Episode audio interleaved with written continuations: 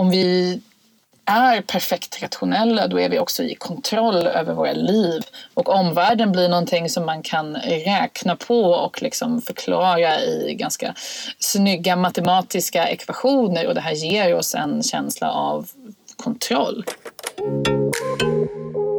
Det här är poddsoffan. Nyfikna möten om varför vi gör som vi gör. Om vår hjärnas alla kluriga val och hur man tänker rationellt. Poddsoffan från AP7.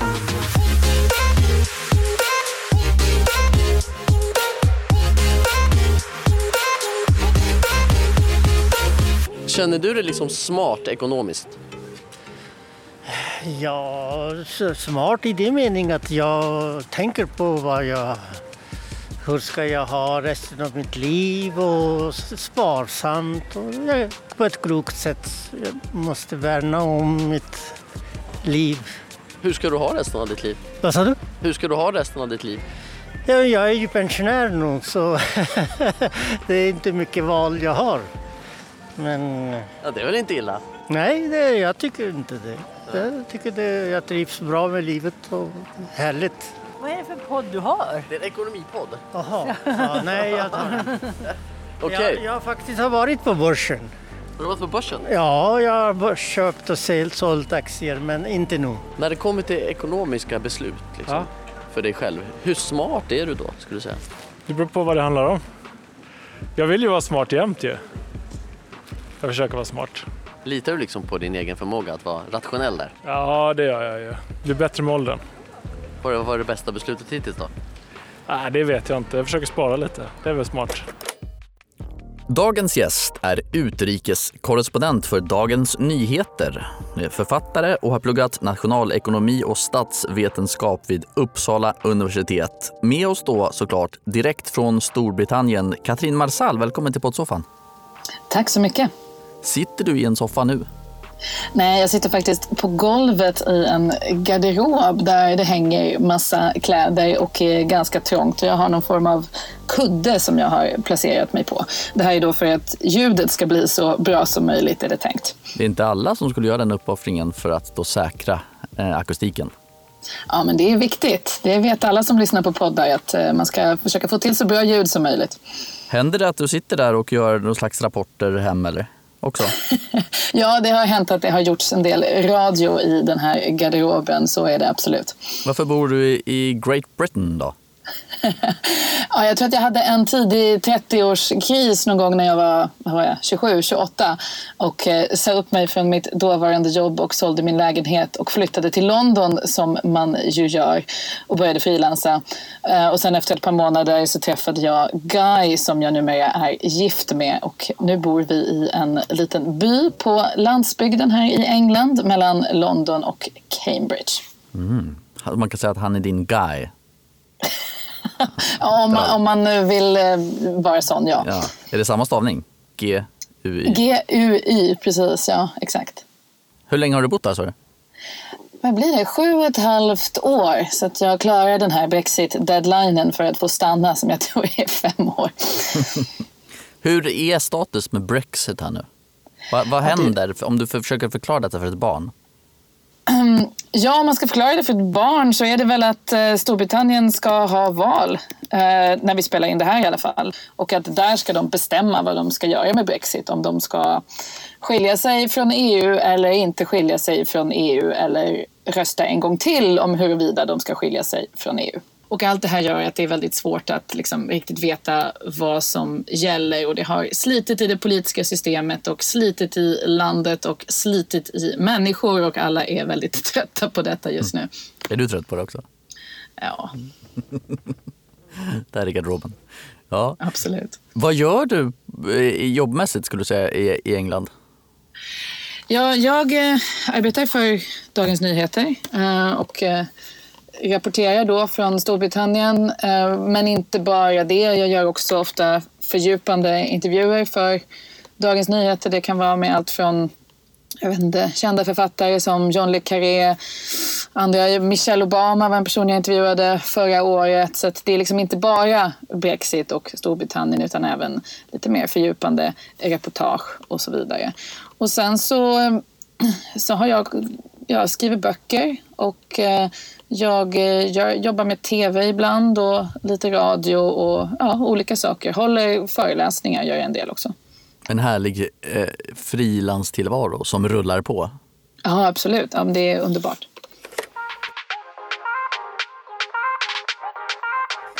Boken din, Det enda könet, kom ut 2013. Ja, August i Sverige. i Sverige. Mm. Och så har det sålts till 20 länder. Vad, vad skulle du säga att den handlar om?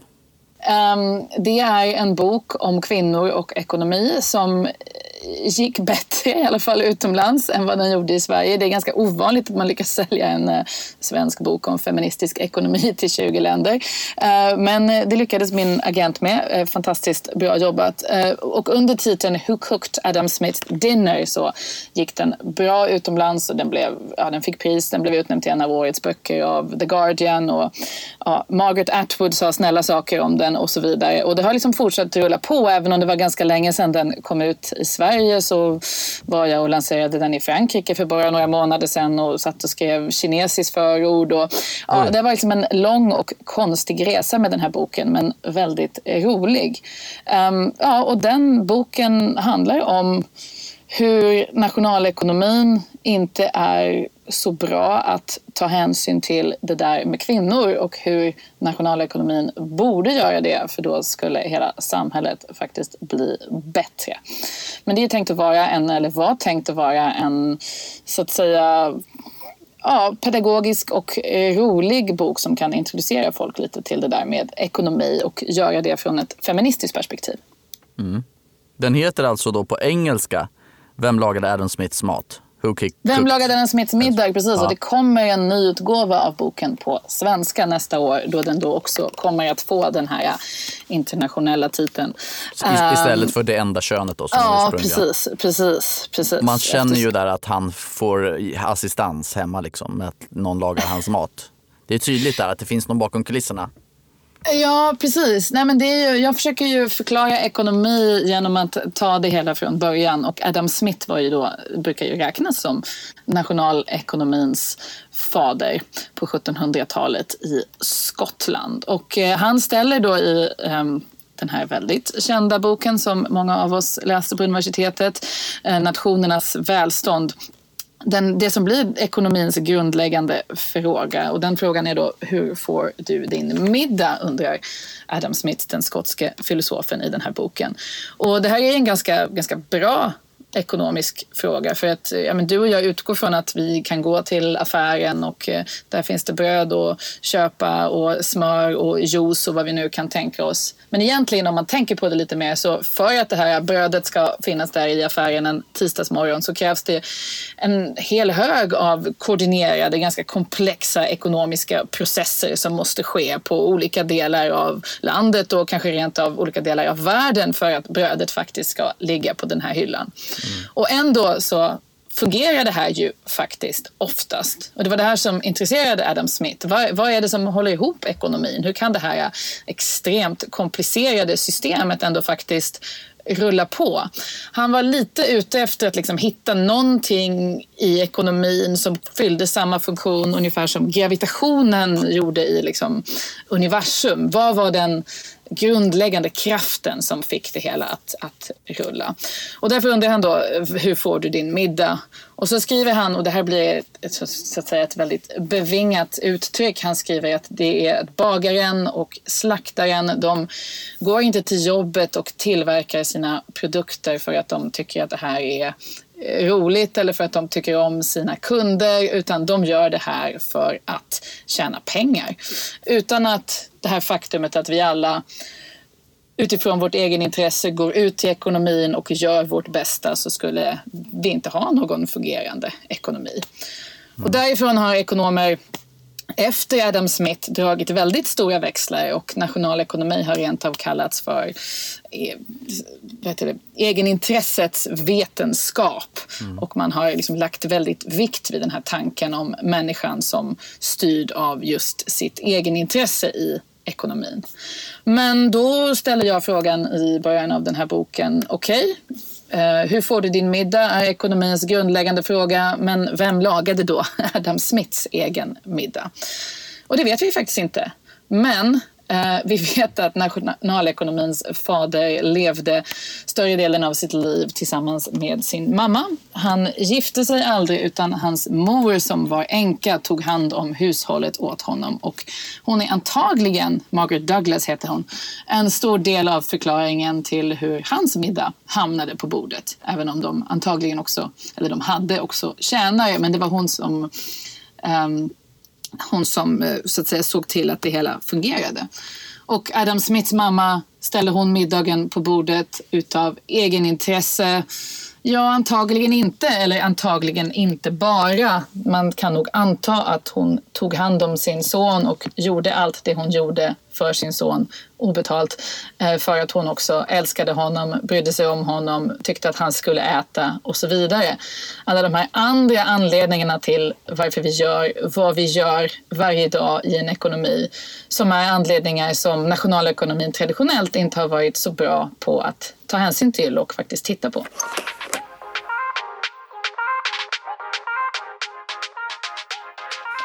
På bokomslaget så finns det citatet “Varför du är förförd av den ekonomiska mannen och hur det förstör ditt liv och världsekonomin”. Ja, Hur menar precis. du? Ja, den ekonomiska mannen är ju Homo economicus och det är ju den uppsättning av antaganden inom ekonomins standardmodeller om vad människan är, eller i alla fall om de delar av oss som nationalekonomin menar är ekonomiskt relevanta.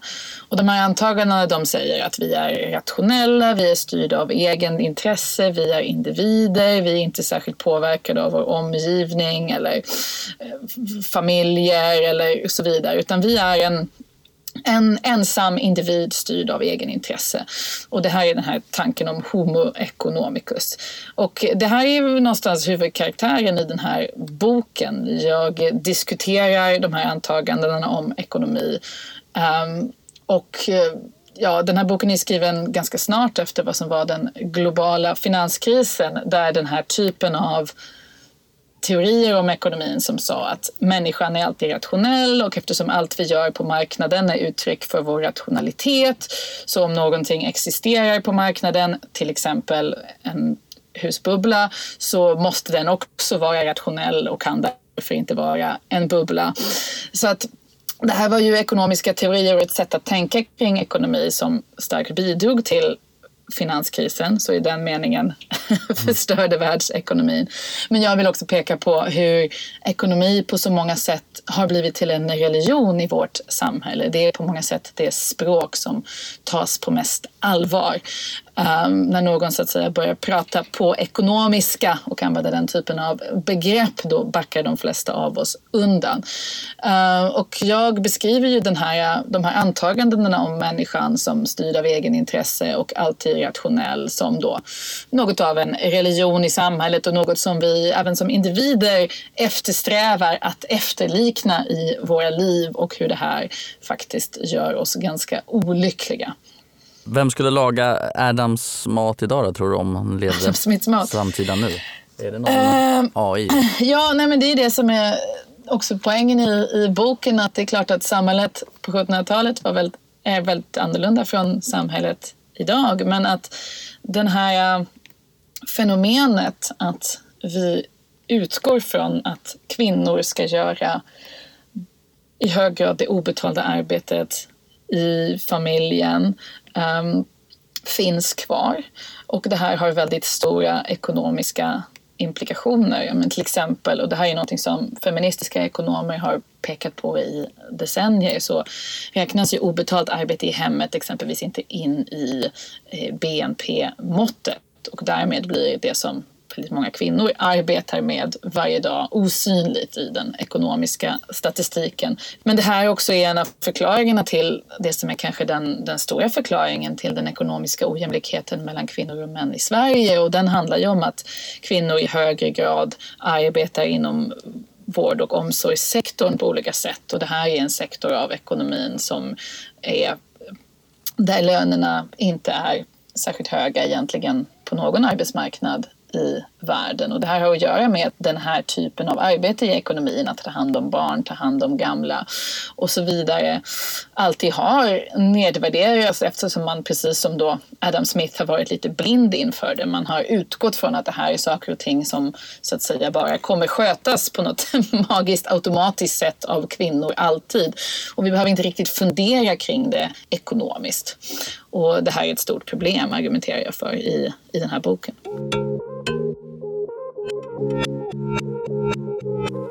Den röda tråden i poddsoffan det är ju som vinjetten säger, liksom, nyfikna möten om varför vi gör som vi gör och hur vår kluriga hjärna fattar beslut. Liksom. Har du några no tankar kring det i det här perspektivet och sett till saker du kanske har lärt dig när du skrev boken och därefter? Jo men absolut. Alltså, det, alltså ett tema i boken är ju varför vi, alltså dels vi är inte rationella på det sätt som ekonomins standardmodeller tror. Det är inte så att du och jag går in i varje situation med en perfekt överblick och kan liksom som någon slags eh, miniräknare räkna ut vad som mest gynnar vårt egenintresse helt utan att påverkas av andra. Den typen av rationalitet existerar inte.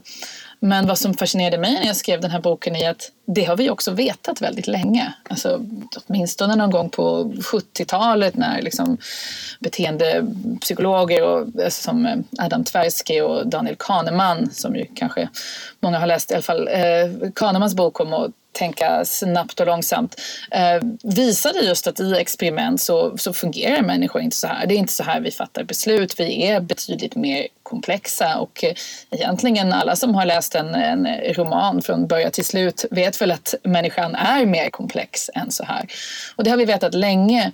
Och varför är vi då så förförda eller så attraherade av den här tanken på oss själva som de här fullständigt rationella. Varför är den här eh, världsbilden så förförisk? Och det handlar ju mycket om att om vi är perfekt rationella då är vi också i kontroll över våra liv på ett sätt som, som jag tror blir väldigt attraktivt. Och omvärlden blir någonting som man kan räkna på och liksom förklara i ganska snygga matematiska ekvationer och det här ger oss en känsla av kontroll.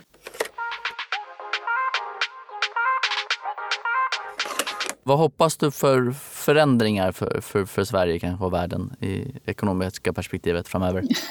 Nej, men jag brinner mycket för det här som jag eh, skriver om i, i min förra bok, Vem lagade Adam Smiths middag? om vikten av att så att säga uppvärdera det traditionellt kvinnliga arbetet i samhället och ekonomin.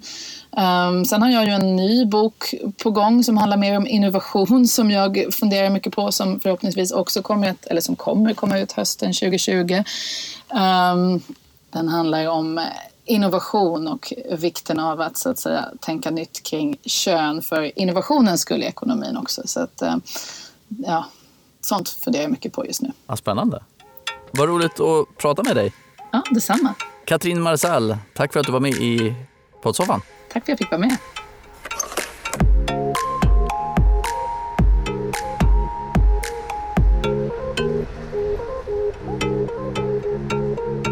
Poddsoffan från AP7.